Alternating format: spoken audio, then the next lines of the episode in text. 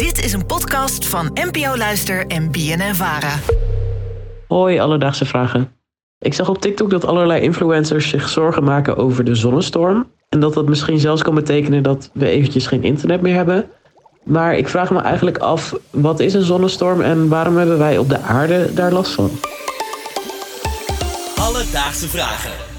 NPO Luister. Dankjewel Sam voor je vraag. Eh, David, influencers over de hele wereld die maakten zich zorgen... want deze zonnestorm die zou ervoor zorgen dat we wekenlang geen internet zouden hebben. Maakte jij je ook zorgen? Niet zoveel als de influencers, maar ik vond het wel een uh, beangstigend bericht. Wij hadden ons werk niet kunnen doen dan. Nee, wij waren klaar geweest. Wij hadden vakantie gehad. Heerlijk een paar weekjes eigenlijk. Nou ja, goed. Maar niet uit. Uiteindelijk viel het gelukkig hartstikke mee.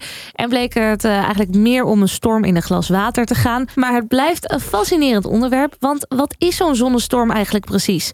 Dat vroeg ik aan Michiel Brentjens. Hij is radioastronoom en houdt het ruimteweer nauw in de gaten. De zon is ontzettend groot en krachtig. Dus als er op de zon iets ontploft of uh, er uh, gaat een andere snelle stroom gas van de zon vandaan, dan verstoort die uh, het gas, een soort, soort van lucht zeg maar, in ons zonnestelsel. En komt dat gas met een grotere vaart bij de aarde aan. En ja, de ruimte is leger dan de aarde, maar niet helemaal leeg. Dat gas dat waait wel degelijk tegen onze dampkring aan. En het bijzondere van het gas wat van de zon naar ons toe komt, is dat het een zogenaamd plasma is. En dat is dus gas wat stroom kan geleiden. Net zoals je dat gewend bent van metaal. Je zag deze week ook wel eens van die animaties van hoe zo'n zonnestorm er dan uitziet. En dan zie je eigenlijk hele kleine balletjes gas zo uit de zon spuwen. Ja, de zon is zo groot dat die kleine balletjes gas misschien al de grootte hebben van een land of een continent. Ja, ik denk dat wij ook niet helemaal doorhebben hoe wat voor een invloed de zon eigenlijk heeft op ja. onze aarde.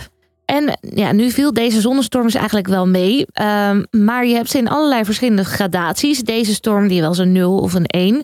Maar wat voor invloed heeft zo'n storm nou eigenlijk als het een niveau 5 bereikt? Uh, die categorie 5 um, kan tot gevolg hebben dat uh, bijvoorbeeld slecht beveiligde stroomnetwerken uh, zelf stroom op gaan wekken. Dus dat je draden stroom gaan maken, niet eens zozeer je centrales. Nou ja, daar is het allemaal niet voor gebouwd. Dus dan, uh, dan zullen er hier en daar wat transformatoren kunnen doorbranden.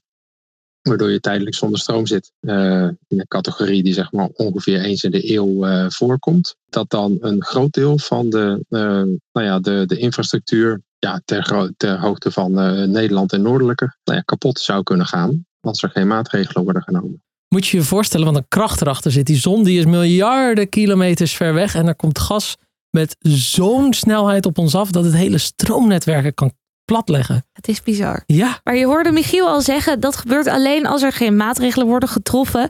Uh, gelukkig wordt het ruimte weer nauw in de gaten gehouden door het KNMI.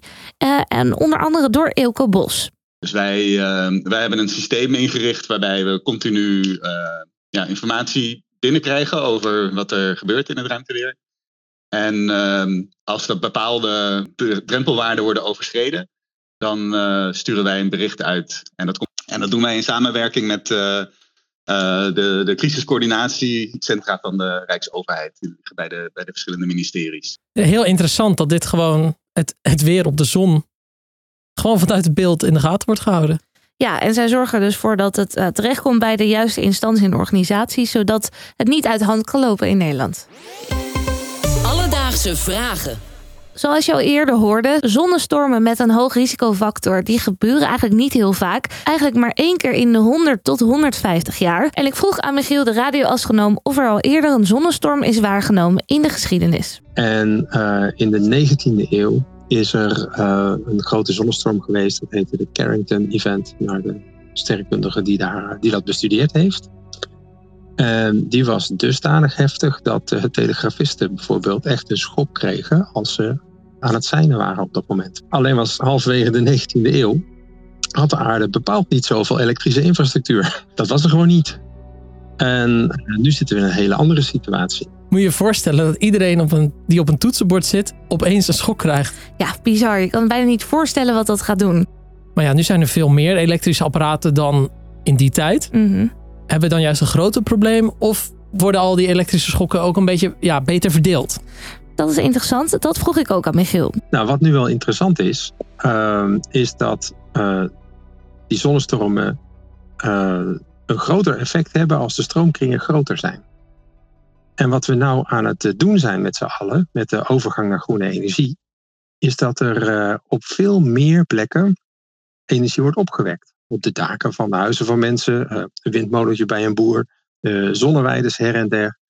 Eh, dus we zijn veel minder afhankelijk van die hele grote mazen in het eh, stroomnet. En die worden steeds fijner over de afgelopen, over de komende 10, 20 jaar. Dus eh, heel misschien dat op het moment dat die grote klapper komt, ons stroomnet dusdanig fijnmazig is dat het, eh, nou ja, dat het prima op te vangen valt. Nou, dat is toch geruststellend. Ja, moeten we toch voor die duurzame energie gaan. Dus Sam, wat is een zonnestorm nou eigenlijk? Bij zonnestorm slingert de zon grote hoeveelheden hoge energetische deeltjes de ruimte in. En na een paar dagen komt er een grote hoeveelheid gas van de zon onze kant op.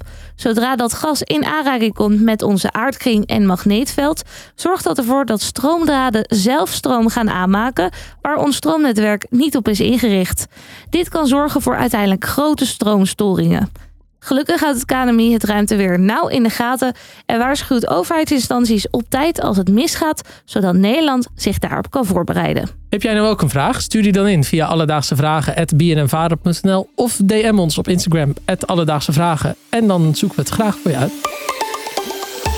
Alledaagse vragen. NPO Luister. BNN Vara. Zet maar een eh, zonne, zonnepaneel in je tuin, denk ik. In je tuin. Op het dak. Of dat-